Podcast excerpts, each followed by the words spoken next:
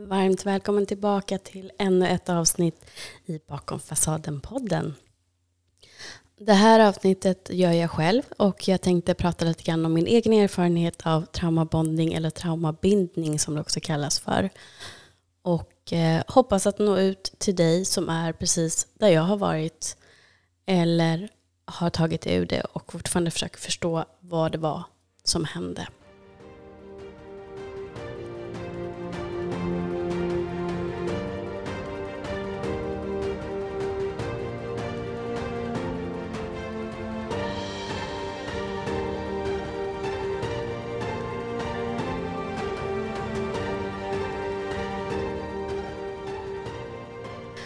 Om man slår upp traumatisk bindning eller traumatic bonding, trauma bonding, så kan man läsa egentligen att det det handlar om är att det är någonting som uppstår i en relation när en person går mellan två ytterligheter.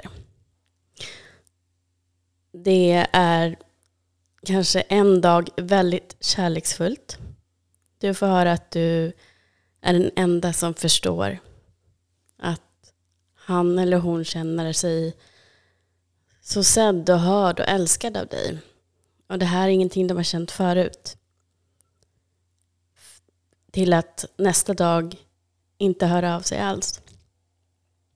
Så du pendlar alltså även känslomässigt och rent kemikaliskt mellan att ha väldigt mycket dopamin, belöningshormon inne i kroppen och hjärnan till att få väldigt mycket stresshormon i kroppen och hjärnan. Och eh, det gör ju att eh, du blir helt enkelt beroende av det här. Du vill hela tiden nå toppen. Det som du känner när du är i ruset av dopamin. Så att på ett sätt så kan man säga att det här kan likställas vid ett drogberoende. Du blir alltså beroende av den här personen och du gör allt för att få din fix av hur den här personen behandlar dig när du får ditt rus. När den här personen är snäll och kärleksfull mot dig. Problemet är ju att oftast så hamnar man i sådana här trauma bondings eller traumatiska bindningar med narcissistiska personer. Så även om de kan spela att de älskar dig att de kan säga saker som gör att du såklart tror att de älskar dig. Och att när de är arga eller beter sig på ett sätt där de bestraffar dig så är det ditt fel. Problemet är att ingenting av det är sant. Varken att de älskar dig eller att det är ditt fel när de beter, dig, beter sig illa mot dig. Men du är redan fast. Och jag har själv varit där. Och eh, jag hade ingen runt omkring mig som hade kunskap eller förståelse för vad det var som hände. Och jag kan också tillägga att jag är otroligt bestämd och envis när jag har bestämt mig för någonting. Så det är inte en helt lätt fight att ta heller. Det var ju människor som såg att eh, det var en lite konstig situation. Och nu underdriver jag med att jag höll fast så länge vid en person som aldrig committade till mig. Men jag hittade ju alltid en ursäkt. Och eh, den här rörelsen med twin flames och tvillingsjälar, den var ju helt perfekt att använda som ursäkt också. Det är därför som jag är så mycket emot det. Och framförallt därför att det är så mycket människor som är ute på sociala medier och tjänar pengar på människor som faktiskt är i traumabindningar och förstör genom att de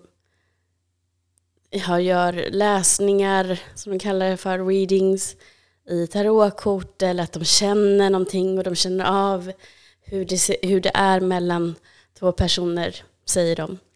Och så betalar du kanske, ja, i alla fall oftast skulle jag vilja säga, runt 1000-1500 för det här för att få bekräftat då från dem att det här är en tvillingsjäls connection. Och i själva verket så kommer ni till slut, när ni gått igenom alla de här stadier av smärta, återförenas och vara lyckliga.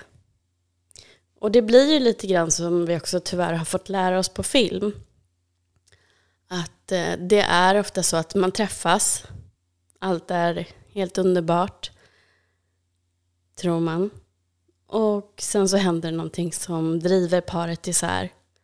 Och sen får de kämpa för att nå lyckan.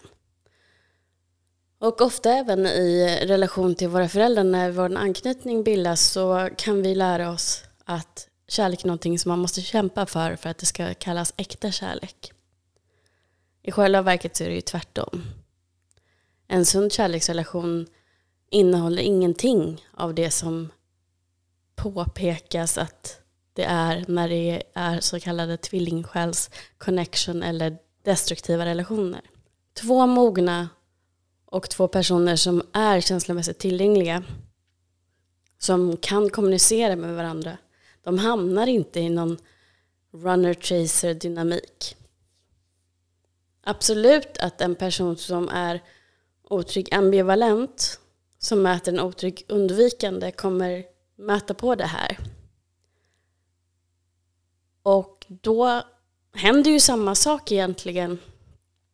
Kanske lite, ska man säga, mindre kraftfullt. Men det kan också vara exakt det här som händer.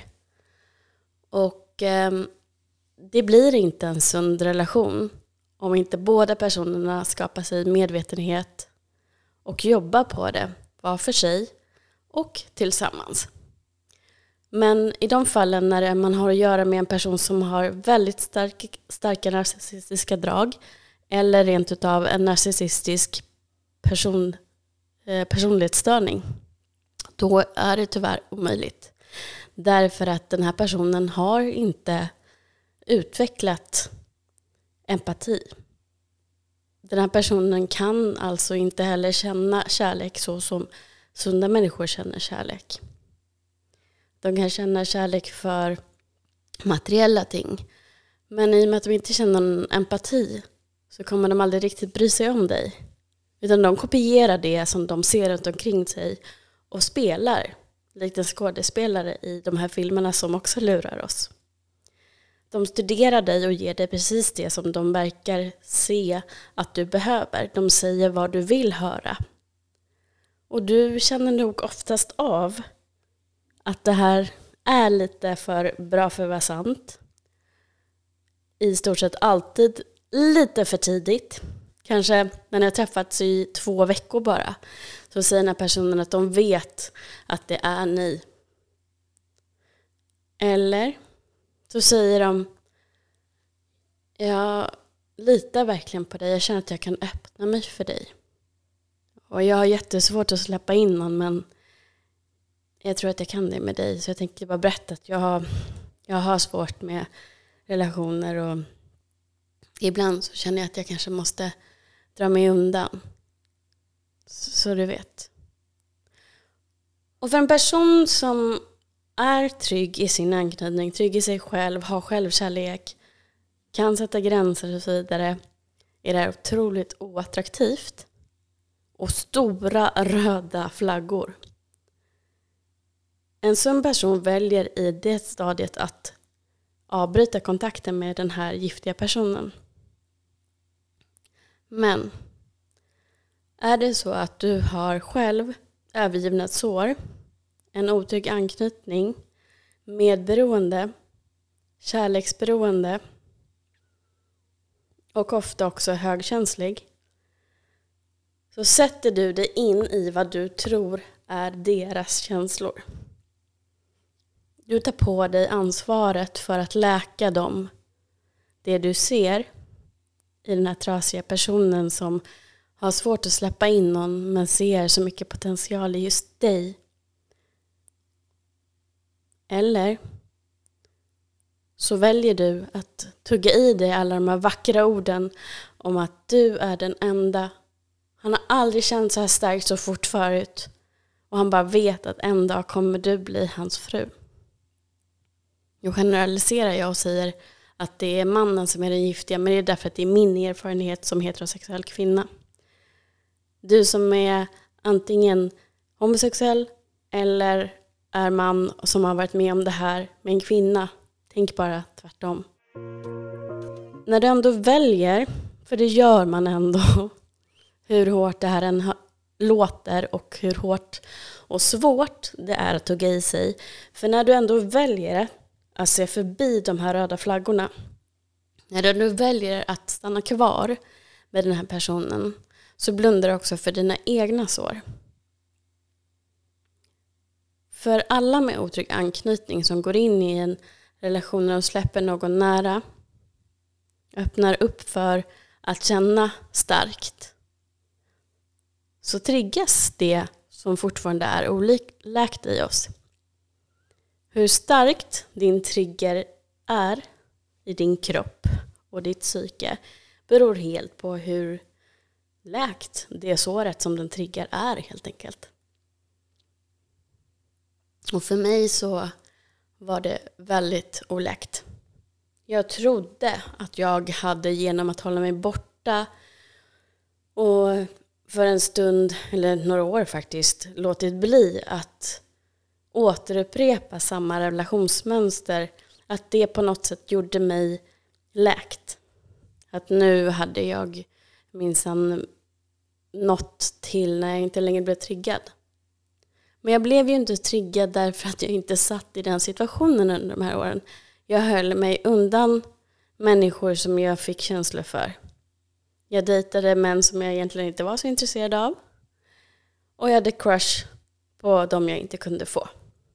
För då skulle ju de aldrig försöka komma nära mig. Men det här var ju någonting som jag var ganska omedveten om. Eller helt omedveten om, om vi ska vara ärliga. Så när jag sen började dejta igen och sprang rakt i armarna igen på den här personen som jag sen fick en dramatisk bindning till. Då kan jag säga att det blev väldigt triggat. Men i och med att jag var väldigt mycket medberoende så såg ju jag det som min uppgift att jag hade blivit utvald att läka honom. Att jag med min kärlek skulle minst få honom att våga. Att våga släppa in hela vägen.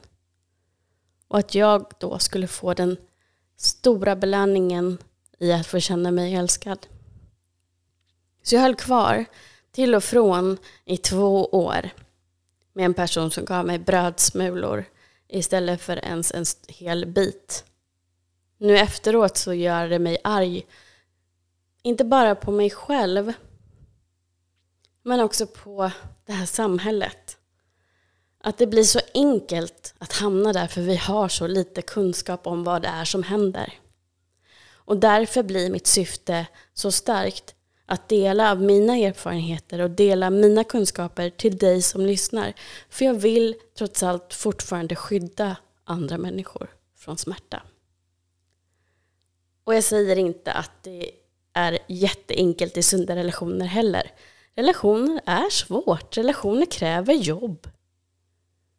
Men det gör man ju utav kärlek till den personen man har en relation med. Man lär sig att navigera konflikter. Så att det inte innebär smärta. Absolut att man kan bli irriterad och ledsen och arg. Men det gör inte ont i en sund relation där båda personerna har lärt sig att vara trygga i och lita på att den andra vill dig väl och att de faktiskt vill dig väl på riktigt. Och vice versa såklart. Men eh, när du då hamnar i den här traumatiska bindningen då blir ju det en jakt även för dig på många sätt. Ofta är ju det så att den giftiga personen drar sig undan eller stänger ner. Är ni fysiskt närvarande med varandra kanske den personen bara stänger av och du når inte fram hur mycket den ber och bönar att de ska lyssna på dig. Det är en form av bestraffning och likaså det som kallas för silent treatment är en bestraffning. Och han som jag var med körde ofta med det. Och det beror helt enkelt på att jag berättade tidigt att jag var väldigt känslig för den typen. Att jag var väldigt känslig för att känna mig ignorerad. Det var ett misstag att berätta om mina sår. Men jag visste inte bättre. Jag trodde det betydde att jag var öppen och sårbar. Men eh, det var sårbar på fel sätt som jag blev genom att berätta det för en person som faktiskt hade så starka giftiga drag. För då använder ju de det mot dig. Så det jag förstår nu är att det kan vänta att berätta. Personen kommer märka det ändå, men framförallt berättar inte bara inom några veckor som ni har träffats.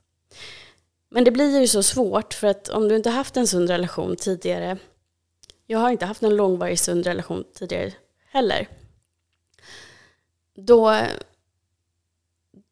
blir man så girig på något sätt när man får höra i början att den här personen litar på dig, att den här personen berättar om sina trauman. Vilket gör att du vill ge tillbaka och berätta om dina. Men det är ju bara ett sätt att just få reda på dina svagheter. För att de sen ska kunna vända dig emot dig. Och jag vet inte exakt var mitt sår kommer ifrån. Jag kan liksom inte pricka in så exakt varför jag har blivit så känslig för att känna mig ignorerad. Jag kan inte säga helt säkert att det kommer från barndomen för mig. Däremot så var jag tillsammans eh, med en öppen narcissist som gjorde det här väldigt ofta mot mig också för 15 år sedan. Och det har jag pratat om tidigare. Ehm, jag kan säga att det, det gör lika ont att vara med en narcissist i en eh, relation där ni öppet är ett par Eh, och typ bor tillsammans, alltså alltid är tillsammans, hela familjen vet att ni är tillsammans och så vidare. Eh, som det är med någon som man är i ett så kallat situationship. Att du behandlar den personen som att ni är i en relation, du beter dig själv som det, du stänger ut alla andra men den personen gör inte det tillbaka. Um, det gör fortfarande lika ont för att du har gett ditt hjärta i båda fallen. Um, däremot kan jag säga att det var ju lättare att få andra att tro eh, på den öppna narcissistens misshandel, eh, känslomässiga misshandel. Han har inte slagit mig eller så, men där fick ju även hans vänner och kollegor se, eh, i alla fall andra året som vi var tillsammans, så fick de se eh, liksom rakt framför sina egna ögon hur han kunde bete sig mot mig. Och det har jag fått höra i efterhand också att de eh, verkligen reagerade på men inte vågade säga någonting om. Um, och där kände jag också av väldigt mycket av reaktiv misshandel. Att jag eh, vid tillfällen när det var som värst och vi båda också hade druckit. Eh, att vi hamnade i ett bråk när jag blev helt skogstokig själv tillbaka. Det var som att jag fick verkligen nog och liksom ja, all denna ilska för, som hade samlats inom mig för att den här personen tog hela min livsglädje ifrån mig.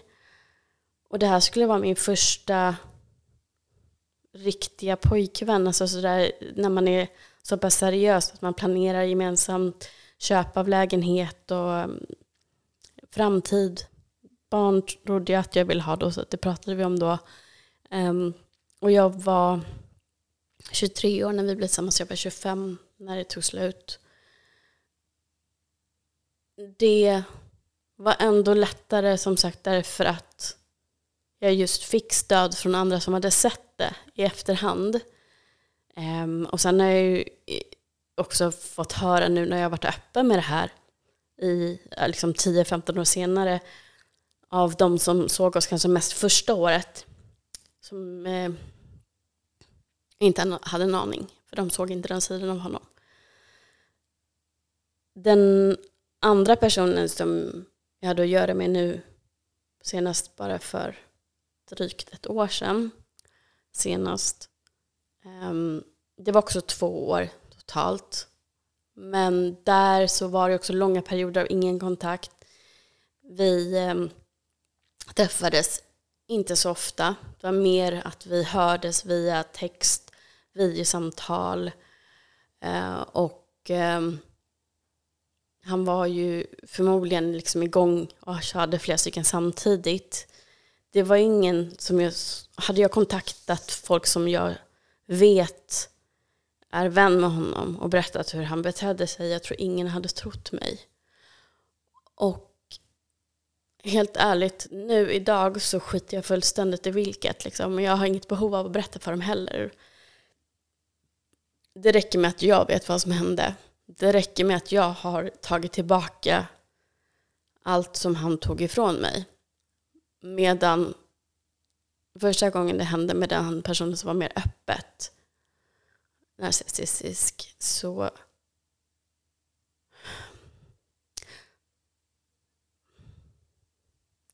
så blev jag helt, helt förkrossad. Även om det var jag som valde att gå där för att jag ville ändå någonstans leva och eh, jag hade så mycket suicidtankar för att jag mådde så fruktansvärt dåligt av hur han behandlade mig. Och vi var i ett annat land över sommaren och jobbade. Så jag hade liksom inte heller mitt normala skyddsnät där. Eh, och det var också samma sommar som ett, en gammal pojkvän till mig dog i en olycka. Eh, och det har jag pratat också lite grann om tidigare. Eh, det var eh, en jättejobbig situation därför att vi var inte sams. Ehm, och eh, ja, vi hann ju inte bli sams heller fast det var en skitgrej liksom innan han gick bort. Um, så att jag, hade, jag hade det tufft på många sätt. Och nu när jag är liksom i 40-årsåldern så tycker jag att en 25-åring är fortfarande i många fall, i alla fall jag var det, ett, en liten flicka. Liksom. Man är inte helt rustad för hur livet ser ut och eh, hur relationer ser ut framför allt. Och då dessutom blir så nedtryckt av den personen man ska stå närmast samtidigt som att man förlorar en annan person som man har stått nära. Alltså jag, jag, jag fick gå i akutterapi när jag kom hem till Sverige för att, för att fortsätta. Och um, jag kunde prata om det här jättemånga gånger utan att ens känna någonting. Men jag tror att det här också har att göra med att jag har blivit mer läkt. Jag kan tillåta att känslor får komma, att det är fortfarande... Det här var ju jättejobbigt, så egentligen så varför ska det inte liksom vara känslomässigt att prata om det? Men det är väl att jag liksom har lärt mig av allting att också stänga av och trycka bort, glömma, förtränga. Ehm, och jag mindes väldigt lite av de här två åren som jag var tillsammans med honom länge. Jag kommer inte ens ihåg det som var bra. Framförallt första året. Ehm, men nu kom jag lite bort från ämnet och blev bara väldigt personlig här. Jag tror det är det svåraste för omgivningen att förstå. Det är helt enkelt att det hamnar i, jag vet inte om ni kanske känner till Stockholmssyndromet. Och det är ungefär exakt samma sak som händer. Stockholmssyndromet är ju ett namn som uppkom efter det här kända gisslandramat med Clark Olofsson på Norrmalmstorg 73. Eh, jag tänker ni som kanske har sett den här tv-serien till exempel känner till den. Eh, och eh, det, det, det är exakt det som händer egentligen. Det är, men det är liksom, det är som jag säger, det är hot, hot and cold behavior och det går upp och ner hela tiden. Det, alltså det är som att leva i en känslomässig berg och dalbana, att vara med en sån här person och vara i en traumatisk bindning. Eh, det blir en så stark koppling till den här personen. Så att du vill inte lämna, du vill bara tro att det ska bli bättre. Att bara du anpassar dig mer till den personen så att du inte blir bestraffad mer så kommer han vara så som han har varit i början, vilket man inte förstår vad skådespel. Utan du blir liksom helt besatt av att komma på lösningen till hur han ska vara snäll hela tiden istället. Och eh, de har faktiskt gjort forskning med råttor i laboratorium på exakt det här beteendet som händer. Och då använder de att en, en knapp i buren där råttan tryckte på knappen för att få mat. Och eh, maten kommer ibland när de trycker men inte alltid. Så att den här råttan vet inte, det blir helt oförutsägbart att veta hur det kommer se ut. Kommer de få belöningen i form av mat eller inte? Och då blir råttan helt besatt av att trycka på den. Och till slut så blir liksom hela, hela buren blir fylld av mat. Och eh, det är också för att hjärnan vill försöka ta det här oförutsägbara och skapa förutsägbarhet. Och eh, det är också så, till exempel när man hamnar i ett spelberoende, att du blir liksom besatt av att få vinsten hela tiden. Så jag tycker att det är ett ganska bra exempel ändå för att man ska förstå vad det är som händer när man är fast i en sån här relation.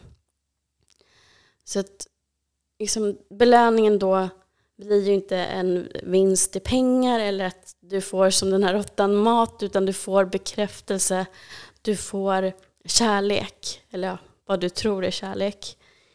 Och precis som en knarkare får sitt rus och tycker att det är den bästa känslan i världen tycker du att när du får en belöning i form av bekräftelse, vackra ord, för det är väldigt sällan handling sammankopplat eller som överensstämmer.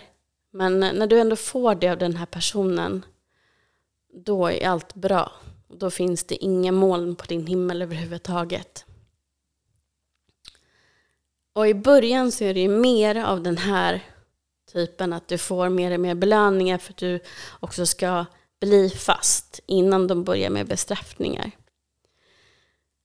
Du blir också väldigt ofta utsatt för gaslighting. Och gaslighting betyder att eh, personen säger nej men det där har aldrig hänt eller nej det har jag inte sagt. Fast de har det och du vet det innerst inne men när du får höra det så ofta och så trovärdigt så börjar du ifrågasätta dig själv och gaslighta till och med dig själv. Och sånt där beteende och eh, den här typen av bestraffning, den bryter ju ner dig som person och din självkänsla. Så att offret tror till slut själv att de är helt värdelösa och ser liksom inte sig själv som någonting annat än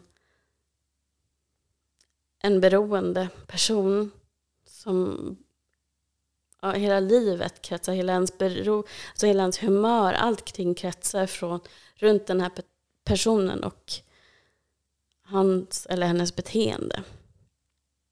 Och du blir ofta också isolerad i sådana här relationer och då har du inte så himla många att prata med samtidigt som att du skäms väldigt ofta för att du är i en sån här relation och berättar inte om de dåliga sakerna utan du berättar bara om när de är fina mot dig. Och det här gjorde jag också. Um, jag vet att jag läste upp ett sms. Ångest. Um, I podden. Som jag hade fått av honom på alla hjärtans dag. Och det är liksom ett litet skitmeddelande. Det är liksom ingen grej. Men jag var så himla svältfödd på att bli uppvaktad på alla hjärtans dag överhuvudtaget. Så ehm, för mig var det värsta grejen. Eh, och jag ville verkligen visa honom hur mycket det betydde så att jag tog med det i podden. Och nu skulle jag, äh, jag vill inte ens lyssna på det. Men jag kommer ha kvar de här avsnitten när jag fortfarande är fast i den här bindningen. Därför att jag tänker att någon kanske ändå hämtar, liksom, att om ni ser hur det är, ni, eller ni hör rättare sagt, hur det är och hur man uttrycker sig och hur man uppfattar verkligheten och vet att jag var i en traumatisk bindning och jag var i en jättegiftig relation. Eller ja, relation inom citationstecken. Så, så hoppas jag också att det ska kunna hjälpa andra och inse så här, men gud, det här är jag. Jag måste ur det här. Liksom. Det är därför jag låter det vara kvar. Men jag lyssnar absolut inte på det här längre själv. Hur som helst. Precis som när man är fast i drogberoende så måste du ju också avgifta dig från den här personen. Och eh, i med, för mig var det... Alltså, eftersom han kunde hålla sig borta ibland, jag tror som mest kanske två månader utan kontakt överhuvudtaget så fick ju jag liksom andningshål så att säga. Jag pratar om den här dolda narcissisten som jag var med nu senast. Um, och i och med att jag hade börjat gå i terapi samtidigt så byggde ju terapin upp mig. Vi pratade inte så jättemycket om honom utan vi byggde upp och vi läkte mina sår. Då fick ju jag ändå som ett motgift kan man säga. Samtidigt som att jag um, var på avgiftning när han inte hörde av sig. Um, problemet var att sen kommer han tillbaka och jag tog ett återfall med honom så att säga. Eh, och så fort han hör av sig och säger att han... Eh, jag kommer inte ihåg exakt vad han sa, men eh, till exempel att han hade förstått någonting eller att han... Eh, jag, jag, kan ta mer generella exempel. De säger ofta så här, men jag har förstått att jag älskar dig i, i verkl, egentligen och att jag har behandlat dig fel. Ehm, jag förstår nu vad jag har gjort eller jag vill höra hur du har upplevt det så jag kan be om ursäkt på riktigt. Det var det jag fick höra. Um, så att du ändå... Alltså, alltså det är som att man har typ fortfarande halva kroppen, alltså ena foten där fortfarande. Och um, om det är så att den här personen då ger dig väldigt intensivt uppmärksamhet, det, det du vill höra eller att ni eh, har sex, så att, eh, för då, då frigörs också oxytocin som är en trygghetshormon som gör att du knyter an till den personen. Ehm, och så får ju dopamin på slag då, som också är en signalsubstans i hjärnans eh, belöningssystem. Ehm, då får ju du den här kicken igen och då hamnar du tillbaka där. Ehm, och det är det som är det svåra. För att sen så är det ju, när du är fast igen så kommer jag ändå bli bestraffad igen.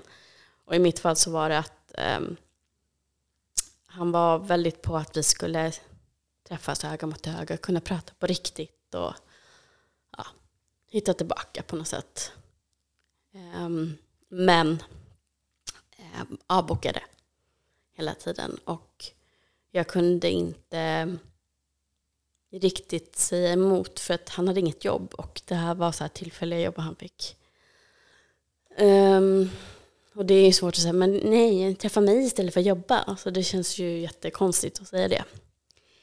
Um, men då får man ju också de här stresshormonerna, kortisol, eh, adrenalin, noradrenalin. Och eh, det är också så att när de slås på, det är samma saker som slås på i kroppen när du hamnar i eh, fight or flight. Så du går liksom hela tiden i överlevnadsmode kan man säga. För du vet inte, du är som den här råttan, det är inte förutsägbart. Så att när du äntligen vaknar upp, då måste du helt enkelt avgifta dig helt. Du måste blocka den här personen överallt så att de inte får tag på dig, så att du får helt och total fridom, fridom, freedom, frihet från de här personerna, eller den här personen. Eh, du behöver hitta människor som tror dig, um, människor som har varit i samma situation. Gärna tror jag är nog det bästa i början. Eh, och om du inte redan gör, gör det, som jag gjorde, börja i terapi. Och även om det är akutterapi så kör några gånger bara för att liksom komma på fötter igen. Så att du blir fri från det här beroendet och den här bindningen som har skapats. Och att du också, om du hamnade i klorna på de som lyfter upp tvillingsjälar, twin flames, så som jag gjorde, att du även tar bort allt som har med det att göra. Eh, och börjar lära dig om relationer och sen relationer, hur, vad det innebär egentligen. Och när du går i terapi så kommer du också kunna se vad det är i dig som jag räknade upp i början av det här avsnittet att det är ofta väldigt mycket i en själv som är oläkt som gör att man blir så himla lätt fast i den här typen av relationer. Men det är inte kärlek. Och jag förstår det nu. Och jag är lättad över att det inte var det. För jag skulle inte vilja gå igenom livet och tro att hur de här männen har behandlat mig, eller de här pojkarna vill man nästan säga för att de beter sig som små barn. Hur de behandlar mig och massa andra kvinnor som de träffar. Det är inte kärlek. Och det jag gör nu som läker mig själv och gör mig öppen, trygg och rustad för en sund relation gör ju att jag kommer att få uppleva kärlek på riktigt. Och det kommer inte de kunna göra. För de har ju som sagt inte empati och ja, helt enkelt, de har inte möjlighet, de har inte förmågan att känna äkta kärlek. Så de kommer aldrig kunna uppleva det på riktigt. Och det är ju jättesorgligt. Men även om jag har mycket, eh, mycket empati så kan jag väl säga att det kanske håller i någon sekund för just de här personerna. Jag har svårt att känna empati för människor som gör andra illa. Ganska medvetet ändå, för de vet innerst inne.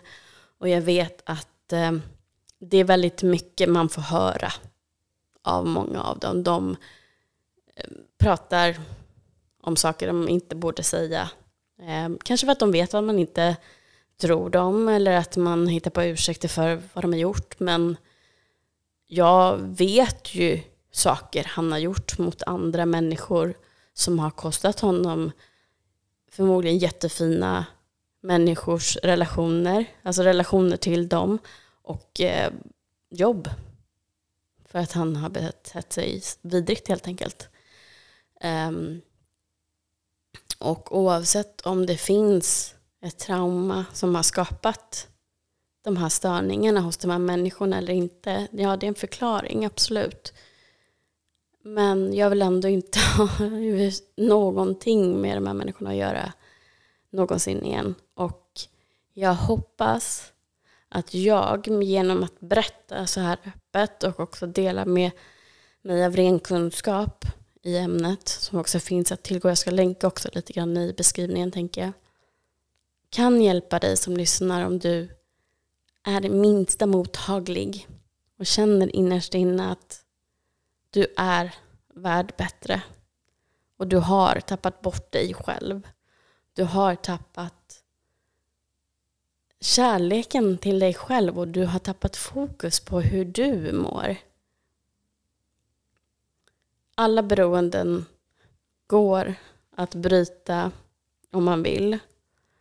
Och jag vet att det är jättejobbigt att acceptera att även om du aldrig har missbrukat sånt som man tänker på när man tänker missbruk, alkohol och droger till exempel, eller spel eller sex, så har du på sätt och vis missbrukat en person. Men det positiva är att det är mycket lättare att hitta ett liv utan att vilja tillbaka till det. När du väl är fri från den här traumabindningen, det, är liksom, det lockar inte att eh, ha återfall på det sättet som det kan göra för en person som är beroende av sådana substanser. Och jag skulle också vilja rekommendera dig som lyssnar, om du inte redan gjort det, att även lyssna på eller köpa Martina Skoromskas bok Genomskåda narcissisten. Det är också otroligt bra och viktig information som du får. Du får läsa hennes historia och du får regelrätt information. Du får listor där det står hur de här personerna beter sig, vilket räddade mig. Jag var absolut på väg ifrån redan, men jag var fortfarande så i riskzonen att dras tillbaka in i det. Och hittade liksom, jag greppar efter halmstrån, bara ge mig någonting så att jag kan få bekräftat att den här personen gör mig illa på riktigt fast han inte slår mig, han kallar mig inte hora, han är inte verbalt aggressiv. Um, men han gör mig ändå illa. Hjälp mig att hitta förklaringen. Och jag gjorde det i den här boken. Lyssna jättegärna också på Martinas och mitt poddavsnitt.